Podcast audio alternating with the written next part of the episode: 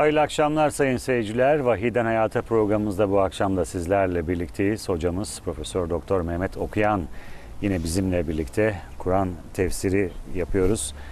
Yetiştirebildiğimiz 15 dakikaya sığdırabildiğimiz kadar hoş geldiniz bu akşam Sağ olun. hocam. Teşekkür ederim. Allah razı olsun. Evet, e, önümüzdeki suremiz İsra. Evet. Bugün bize neler paylaşacaksınız? Ee, Kerem Bey İsra suresi 111 ayet. Bu 111 ayeti özetleyeceğiz. Konu genel konu olarak. Ayrıca 18. sure Kehif suresi de bu cüzde 74 ayeti. Bu surenin geri kalan ayeti 16. cüzde oluyor. Bu 15. cüzde olan kısmı itibariyle Kehif suresinden de bir iki ayeti vaktim el verirse aktaracağım kardeşlerime. İsra suresi Hazreti Peygamber'in Mescid-i Haram'dan Mescid-i Aksa'ya doğru gece gönderilmesiyle alakalı bir ayetle başlar. Sonra Hazreti Nuh'tan, Hazreti Musa'dan söz eden bir takım mesajlarla devam eder. Surenin 9. ayetini çok önemsiyorum. Bu 9. ayetin e, iyi anlaşılması, doğru anlaşılması lazım geldiğini, yanlış anlamalara kapı aralamamak adına çok net şeyler söylemek durumunda olduğumuzu kardeşlerime ifade edeyim. Ayet şu. Estağfirullah. İnne hazel Kur'ane yehdi lilleti hiye akvam. Muhakkak ki bu Kur'an en doğru yola ulaştırır. Şimdi en doğru yola ulaştırır ifadesi hani bir doğru yol en doğru yol değilse bir derece düşük gene doğru yollar vardır demektir yani. En doğru varsa bunun peşinden başka doğrular da gelebilir. Böyle bir algı meydana gelebilir. Halbuki Kur'an-ı Kerim'in sunduğu yol en doğru kelimesiyle değil, tek doğru kelimesiyle karşılanır. Kur'an tek doğruya, hakikat yoluna yani sırat-ı müstakim dediğimiz insanları Allah'a götüren en kestirme yola ulaştırır. Akvem demek o demektir. En doğru ifadesi bir takım yanlış algılamalara kapı aralayacağı için bunu en doğru değil tek doğru diye belirlemek durumundayız. 9. ayeti ve devam ediyor tabi. Ve yübeşşirul müminînellezîne ya'melûne salihat. Salih amel işleyenlere de müjdeler bu Kur'an. Enne lehum ecren kebira. Onlar için büyük bir ödülün bulunduğunu, salih amel işleyenlere büyük ödül vardır de. E, salih amel nedir? Salih amel özünde iyi olan ama beraberinde bir kötülüğü iyiliğe dönüştüren, bir fesadı, ifsadı ıslah eden davranışlara daha çok sosyal hayatta, sosyolojik boyutları olan bir eylem olarak algılanır salih amel. Böyle ibadetlere de salih amel denebilir ama ibadetlerle salih ameller birbirinin tamamen aynısı değildir. Surenin 9. ayetinden sonra hemen birkaç ayet sonra çok önemli evrensel kriter dediğimiz bir ayet geliyor. Orada diyor ki Allahu Teala surenin 13, 14, 15. ayetleri peş peşe. 13. ayette buyuruyor ki Yüce Allah ve külle insanin elzemnahu tairahu fi unuki. Biz her insanın tairini, her insanın aslında amelini, davranışını boynuna taktık. Yani insanlar yaptığı davranışları kelebirden yiyemezler. Bir zulüm yapmışsa bu unutulmuştur, bu bir daha benim karşıma gelmez deyip böyle bir vurdum duymaz bir tutumun içerisine giremezler. Girmemelidirler. Çünkü her davranış kayıt altına alınıyor. Sonra ne oluyor? Bu kayıtlarla alakalı buyuruyor ki ve nuhricu lehu yevmel kıyameti kitaben yelqahu menşura. Kıyamet günü o adam için yani herkes için önünde açık bulacağı bir kitap olarak o davranışlarını onun önüne çıkartacağız. Herkes ne yaptıysa karşısına gelecek. Ve herkese diyeceğiz ki teker teker ikra kitabek. Şimdi kitabını oku bakalım. Buradaki kitap amel defteri demek. Nerede okunacak? Mahşerde. Hakimi Allah olan o mahkemede herkes kitabını okuyacak. Kitabını sağ taraftan alanlar kutlu insanlar, mutlu insanlar olacaklardır. Ama kitabı sol taraftan alanlar da olacak. Hatta sol karın arka taraftan alanlar diye de ifade edilir İnşikak suresinde. Böyle bir felaket yaşanabilecektir kötü insanlar için. Buradaki ifade bir bilinç kazandırmaya yöneliktir. Herkes ne yapıyorsa yaptığının farkında olsun, farkındalık içerisinde bir hayat yaşasın. Çünkü yaptığı davranışlar böyle kaybolup gitmiyor. Onlar her biri herkesin boynuna takılıyor. Yalnızken bile. Hiç fark etmez. Allahu Teala adamın bakışlarındaki niyetlerini bile sorgulayacağını söylüyor şeyde. e, Mümin suresinde. İçinizde sakladığınız şeyleri dışarıya bilgi olarak dışarıya çıkarsanız da içinizde saklanırsanız da Allah sizi onunla hesaba çekecektir diyor. Bakara suresi 284. ayette. Dolayısıyla insanlar yaptıkları davranışların sorgulanma dışında olduğu gibi bir yanlışa kesinlikle kapılmasınlar. Herkesin yaptığı onun önüne amel defterine kaydedilmiş birer bilgi olarak gelecektir. Yasin suresinin 12. ayetinde ve nektubu ma kaddemu ve atharahum der Allahu Teala. Biz insanların takdim ettiklerini de geriye bıraktıkları eserlerini de yazıyoruz. Ve külle şeyin ahsaynahu fi imam mübin. Onların yaptığı her şeyi apaçık bir kütükte teker teker saymış olacağız diyor bir Allahu Teala. Yani herkesin amel defteri davranışlarıyla şekillenmiş olacaktır. Bu çok kesin. Hatta gene bugün 16. 15. cüzün bir ayeti ama Kehif suresinden o ayette buyuruyor ki Yüce Allah ve vudi'al kitabu amel defteri ortaya konacak. Feterel mücrimine müşfikine mimma fihi. Suçluların o kitapta yazılı şeylerden dolayı korktuğunu göreceksin. Ve yekulune diyecekler ki suçlular ma li hadel kitap şu kitaba ne oluyor da la yugadiru sagireten ve la kebireten illa ahsaha küçük dememiş büyük dememiş hepsini sayıp dökmüş. Ve vecedu ma amilu hadira. Onlar dünyada yaptıklarını mahşerde karşılarında hazır bulacaklar. Ve la yazlimu rabbuke ahada. Senin Rabbin hiç kimseye haksızlık etmeyecektir. Tabi 15. cüzde değil ama 27. cüzde bununla alakalı bir cümle daha var. Kamer suresi 54. ayet. Ve küllü sagirin ve kebirin müstatarun. Her küçük davranış ve her büyük davranış ne olursa olsun satır satır yazılmış, kaydedilmiş olacaktır diyor Allah Teala. Kaydediliyor. Zaten İnfitar suresinde de öyle diyor. Ve inne aleyküm lehafizin kiramen katibin ya'lemune ma tef'alun. Üzerinizde yaptıklarınızı kaydeden kiramen katibin değerli yazıcılar vardır. Yaptığınız ne varsa hepsini bilirler.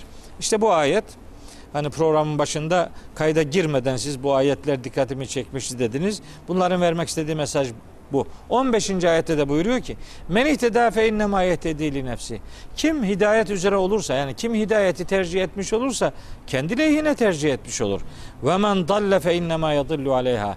Kim de sapıklığı tercih ederse kendi aleyhine tercih etmiş olur. Ve la teziru vaziratun vizra uhra. Hiçbir günah yüklüsü başkasının yükünü yüklenemeyecektir. Ve ma kunna muazzibin hatta neb'ase rasula. Biz peygamber elçi göndermediğimiz sürece de hiç kimseye azap filan etmeyeceğiz diyor Allahu Teala. Böyle hani muhteşem bir duyarlılık kazandıran şu 13, 14, 15. ayetleri anlarsa bir adam hayatın başkalarına ihale ve fatura edilemeyecek derecede şahsiliğini, kendi yaptığın davranışların hesabını kendisinin vereceği bilgisini insana öğretir. Eğer duyarlı davranırsa, duyarlı davranmazsa da sonucuna katlanır. Hocam dün gençlere bir e, çağrıda bulunmuştunuz. Bir ayetten yine e, mesajlar vermiştiniz. Evet. Burada 23 benim çok dikkatimi çekiyor. İsra suresi 23. ayet. Tam da o tabi 23 sadece 23 değil Kerem kardeşim. 23'ten 40'a kadar burası bir pasaj. Burada Allahu Teala böyle emirler ve yasaklar bütünü sayar. Çok. Keşke vaktimiz olsa da şu 23'ten 40'a kadarki bölümü bir anlatsak. Neler var neler. Ama hepsini anlatma imkanımız yok. Birinci cümlesini olsun söyleyelim. Yani birinci uyarıyı söyleyelim. Ve kadâ rabbuke ellâ ta'budu illa iyyahu. Rabbin sadece kendisine ibadet etmenizi hükme bağlamıştır. Ve bil valideyni ihsana. Ve bir de anne babaya iyilik yapmanızı emretmiştir. İmma yeblugenne indekel kibara ahaduhuma ev kilahuma.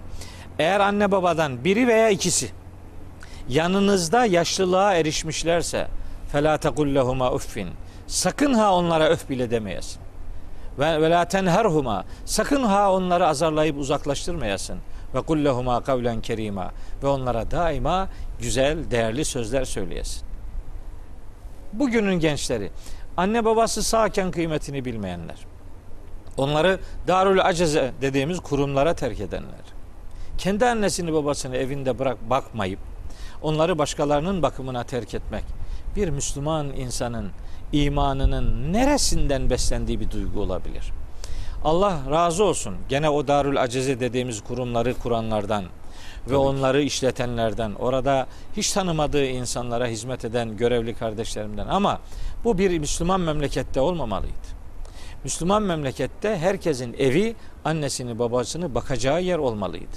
Biz şimdi aileyi tanıtırken Kerem Bey diyoruz ki anne babadan ve bir süre sonra da çocuklardan oluşan birime aile derler. Biz aileyi tanımlarken ailenin içerisine dede ve nineleri katmadık. Maalesef. Evlenirken adam kızını istemeye gidiyorsunuz. 10 tane 20 tane soru soruyor. Hepsine cevap veriyorsunuz. Öyle bir soruya sırayı getiriyor ki orada istediği cevabı vermezseniz yıkıyor işi. Nedir? Soruyor. Benim kızım ayrı evde mi oturacak, kaynanasıyla beraber mi oturacak? Bütün biten nokta bu. Eğer kayınpeder, kayınvalideyle birlikte oturacak derseniz zaten vermiyor. Niye? Çünkü o kendisi de kendi kızını oraya öyle veriyor ama icabında bunun bir aile, çekirdek aile dediğimiz kavramın içerisine dedeleri ve nineleri, büyük insanları koymayarak böyle bir çürümüş görüntü vermeye başladı toplum. Bundan nasıl uzaklaşılır bilmiyorum ama işte Kur'an'ın bu ayeti.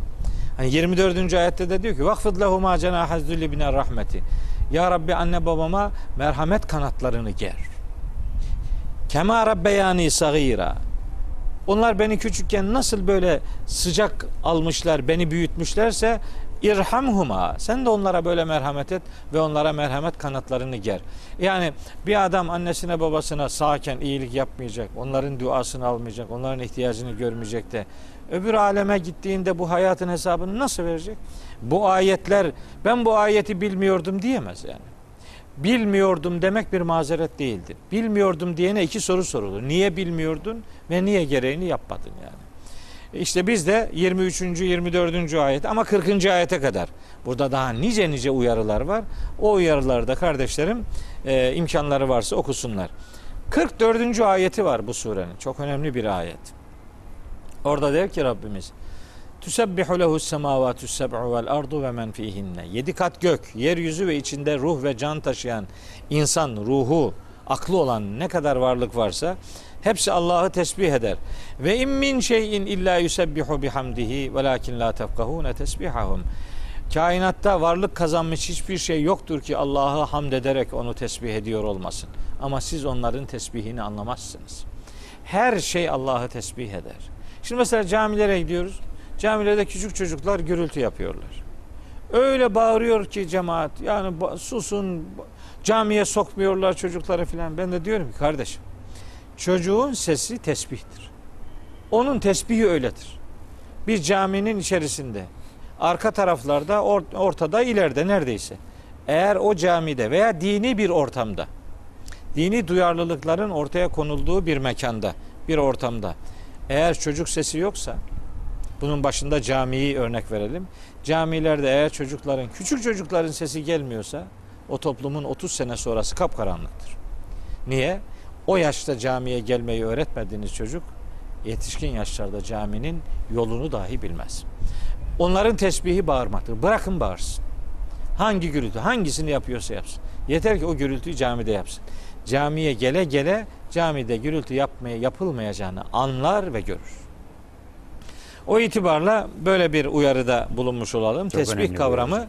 çok önemli bir kavramdır. Kuşların uçması tesbihidir. Güneşin ışık ve ısı vermesi tesbihidir. Ayın evreleri tesbihidir. Yıldızların ışık saçması tesbihidir. Rüzgarların esmesi tesbihtir. Kuşların uçması tesbihtir. Balıkların yüzmesi tesbihtir. Yani bitkilerin tesbihi bitmektir. Bit- yani yükselmektir. Yani biyolojik varlıkların devam ettirmektir. Aklınıza ne geliyorsa suyun tesbihi akmaktır vesaire. Her şey niçin yaratıldıysa o yaratılış amacına uygun olarak varlığını devam ettirir. İşte ona tesbih denilir. Her varlık Allah'a tesbih eder ama siz onu anlamazsınız diyor. İsra suresinin 44. ayetinde Yüce Allah. Son dakikamızın içindeyiz hocam. Son dakikanın içerisindeysek o zaman şuradan İsra suresinin 81. ayetini hatırlatayım kardeşlerime. Ve kul ca'al hakku ve zahaqal batilu. De ki hak geldi, batıl zah- za- e, za- yok oldu. İnnel batile kâne zehuka. Zaten batıl yok olmaya mahkumdur. Batıl yok edecek olan nedir? 82. ayetteki şu beyandır. Ve nunezzilu minel Kur'ani ma huve şifaun ve rahmetun lil müminin. Biz Kur'an dediğimiz bu mesajdan şifa ve müminlere rahmet olacak prensipler indiriyoruz. Kur'an şifadır. Neyin şifasıdır? İnançsızlık hastalıklarının şifasıdır. Biyolojik bedensel rahatsızlıkların şifası doktorlar aracılığıyla onlardan talep edilir ama şifa gene Allah'tan beklenir. Yani kolu kırılan adamın gideceği yer ortopedidir. Ona hatim yapmayla kolu filan düzelmez.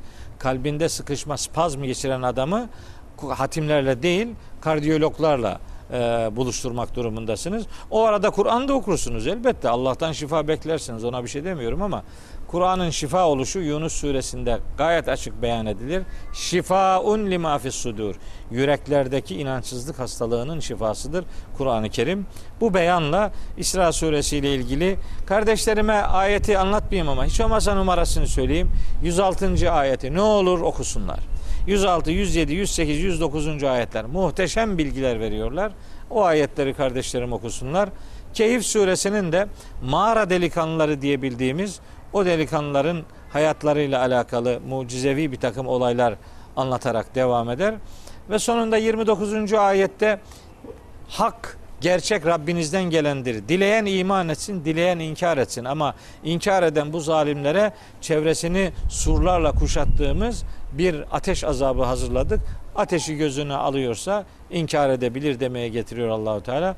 Tam bir irade hürriyeti bağışlamış ve Rabbimiz insanlardan iradelerini hak yolda kullanmalarını istemiştir. Ama batıl yola gideceklerse sonucuna katlanacaklardır. Hocam ağzınıza sağlık. Bu akşam da 15 dakikayı dolu dolu geçirdik Evet. sizin sayenizde. Ve böylece Vahiden Hayatı'nın bu akşam da sonuna geldik. Yarın akşam buluşmak dileğiyle.